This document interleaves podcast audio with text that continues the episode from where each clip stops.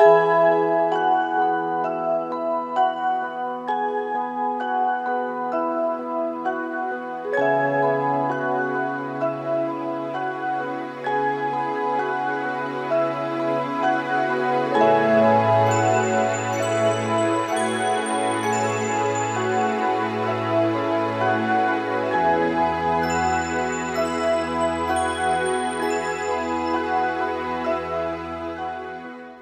Darbie klausītāji, esiet sveicināti šajā svētdienas rītā. Šodien garīgās pārdomās ar jums kopā būšu es, Salaspils katoļu draugs prāvests Ilmārs Tolstovs. Sākumā uzklausīsim evaņģēlīju fragmentu, ko uzrakstījis Svētais Jānis, 2. nodaļā no 13. līdz 25. pantam. Tuvojās jūdu pasha, un Jēzus devās uz Jeruzalemi un svētnīcā viņš atrada vēršu, aitu un baložu pārdevējus un naudas mainītājus, kas tur sēdēja. Tad viņš pagatavojas no auklām pātagu, izdzina visus ārā no svētnīcas, reizē ar aitām un vēršiem, izkaisīja mainītāju naudu un apgāza galdus, un tiem, kas pārdeva baložus, pateica: Aizvāciet tos projām no šejienes, nepadariet manu tēva namu par tirgus bodi. Viņa mācekļi atcerējās, ka ir rakstīts: Mani sagrauzīs rūpes par tavu namu. Tad jūdi atsaucās un viņam sacīja: Kādu zīmi tu mums parādīsi, ja jau dari šādas lietas? Jēzus atbildēja un sacīja viņiem: Nojauciet šo svētnīcu, un es to trijās dienās atkal uzcelšu. Bet jūdi sacīja: 46 gadus tika celta šī svētnīca un tu uzcels to trijās dienās? Bet viņš runāja par savas miesas svētnīcu. Tāpēc, tad, kad viņš piecēlās no miroņiem, viņa mācekļi atminējās, ka viņš to bija teicis, un ieticēja rakstiem un vārdiem, ko Jēzus bija runājis. Un kamēr viņš uzturējās Jeruzalemē Paskas laikā, svētku dienā, daudzi ieticēja viņa vārdam, redzot brīnumus, ko viņš darīja bet pats Jēzus viņiem neusticējās, jo viņš visus pazina, un viņam nevajadzēja, lai kāds dotu liecību par cilvēku, jo viņš pats zināja, kas cilvēkā slēpjas. Tie ir svēto rakstu vārdi.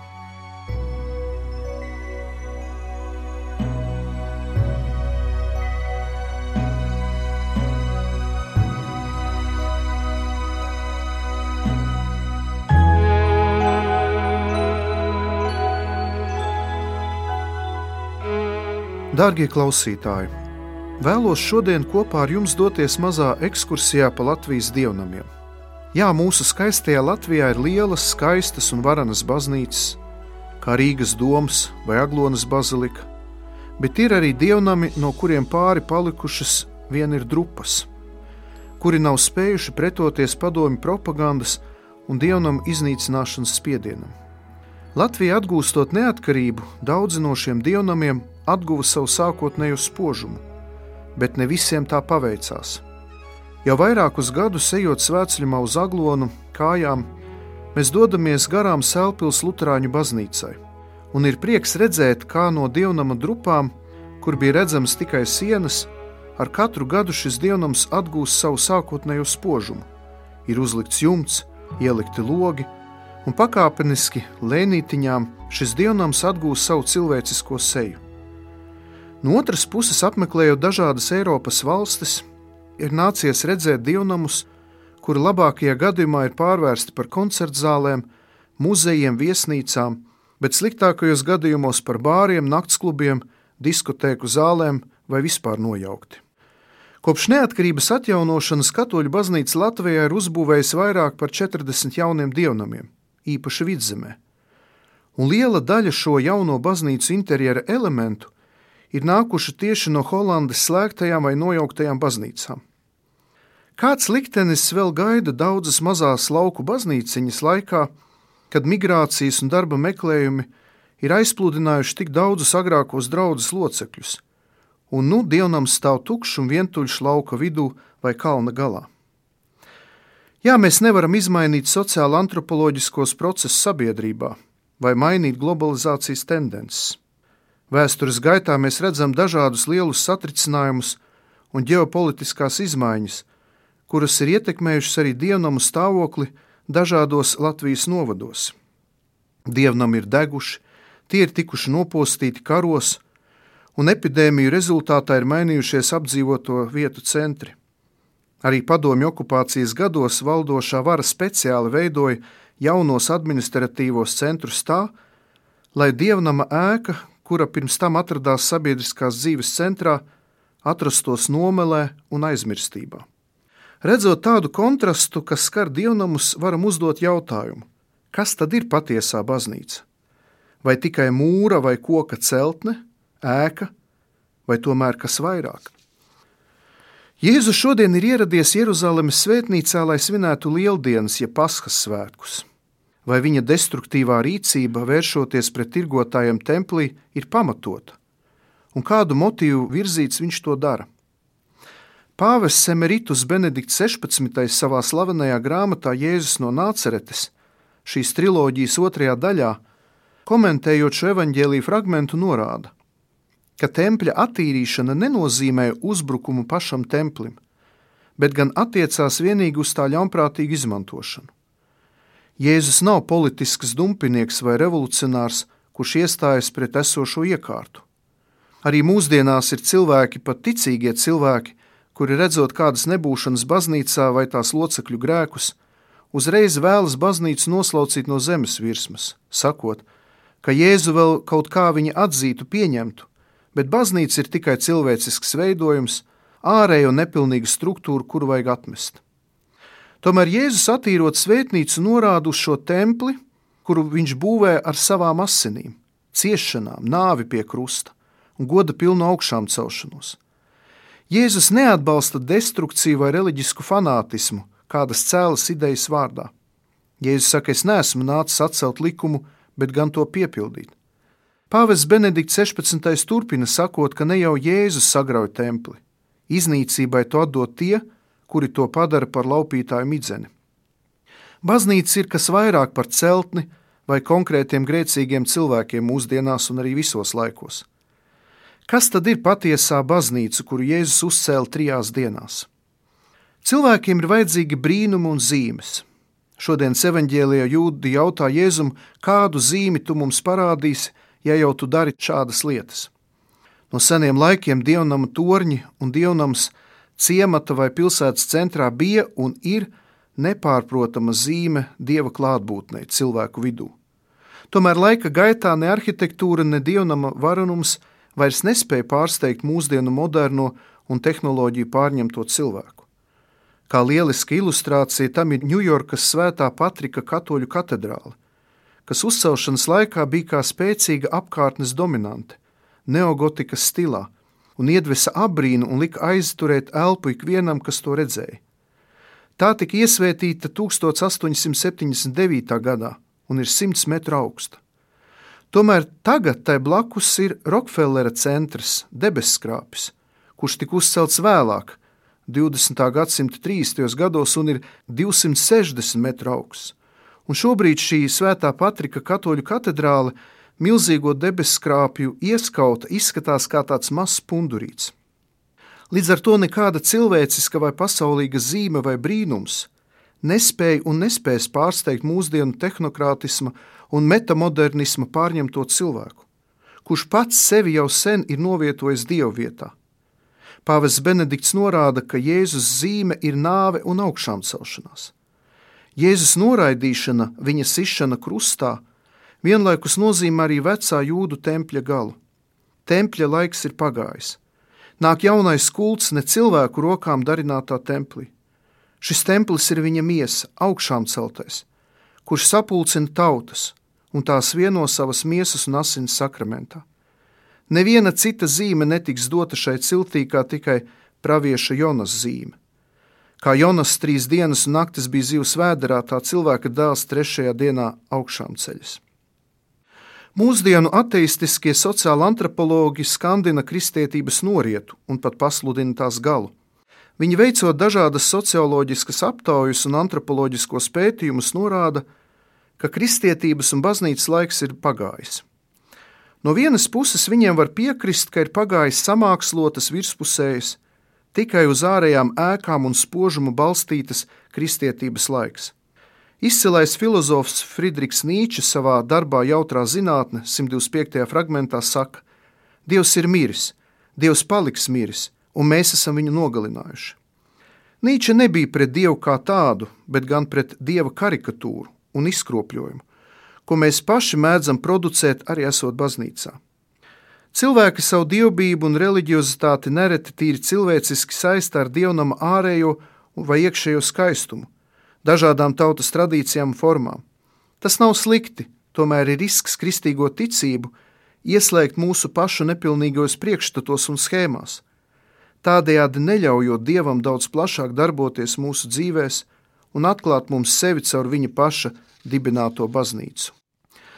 Man pašam sākot kalpot Salaspils draudzē, sastapos ar daudzu salaspiliešu skepsi attiecībā uz vienu no neveiksmīgāk uzceltajiem katoļu dievnamiem, kurš tika būvēts Salaspilī Latvijas atgūtās neatkarības laikā.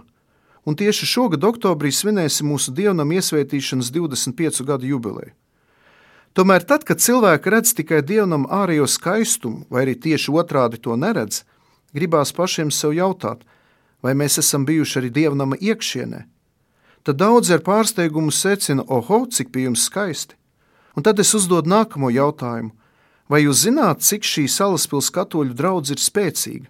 Ka svētdienās pirms pandēmijas to apmeklē vairāki simti cilvēku. Un kas ir pats svarīgākais? Vai jūs zināt, ka dievnama centrā ir mazs seifiņš, jeb tabernākuls, ko apzīmē degoša sarkana lampiņa? Un vai jūs zināt, ka šajā seifiņā atrodas pats Jēzus Kristus? reāli zem maizes zīmēm klātesošs Dievs. Tieši Jēzus, kurš mājo mūsu vidū svētajā misē, jeb evaharistijā, arī tabernākulā baznīcā un vēl vairāk savu ticīgo kristiešu cilvēku sirdīs, padara baznīcu skaistu. Baznīcas spēks un skaistums neslēpjas triumfāli skaistos un greznos dievnamos, milzīgos pūļa dievkalpojumos Vatikānā, pāvestu vizītēs vai aglonā. Baznīcas spēks nebalstās statistiskos vai socioloģiskos pētījumos. Baznīca sākās ar krusta sakāvi, un Jēzus pats kļuva par upuri tā laika kanceli, jeb izslēgšanas domāšanas veidam. Un tā tas turpinās līdz pat mūsdienām. Un nevajag lolot ilūzijas un, varētu teikt, piebāzt baznīcu ar daudzām liekām lietām. Jēzus nav pret ārējām formām, greznību, skaistumu, lieliem pūļiem bet ir svarīgi savu ticību un tās stiprumu nebalstīt ārējā dievnama skaistumā vai garīdznieka personībā vai citos ārēji mainīgos apstākļos. Baznīca nav tikai ēka.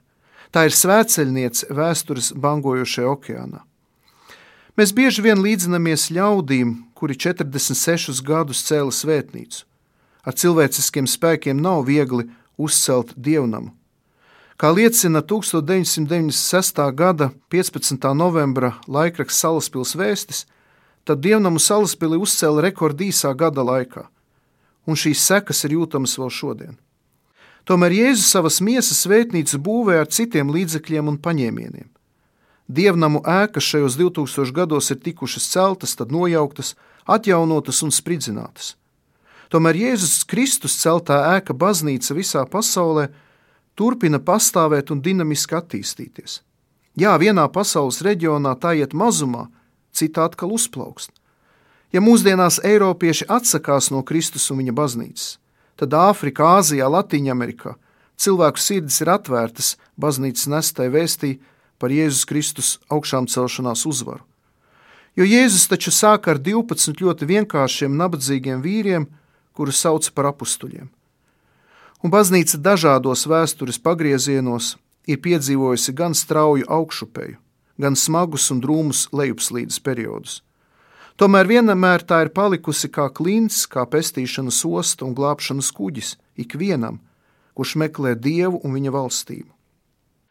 Savas šī rīta pārdomas noslēgšu ar kādu ļoti skaistu tekstu no otrā gadsimta, ko ir uzrakstījis kāds anonīms autors kādam cilvēkam Diognetam, laikā, kad kristietība vēl bija tikai maza, dedzīgu Kristus sekotāju saujiņa, un lielākoties pulcējās kādās mājās, kapsētās vai pat brīvā dabā.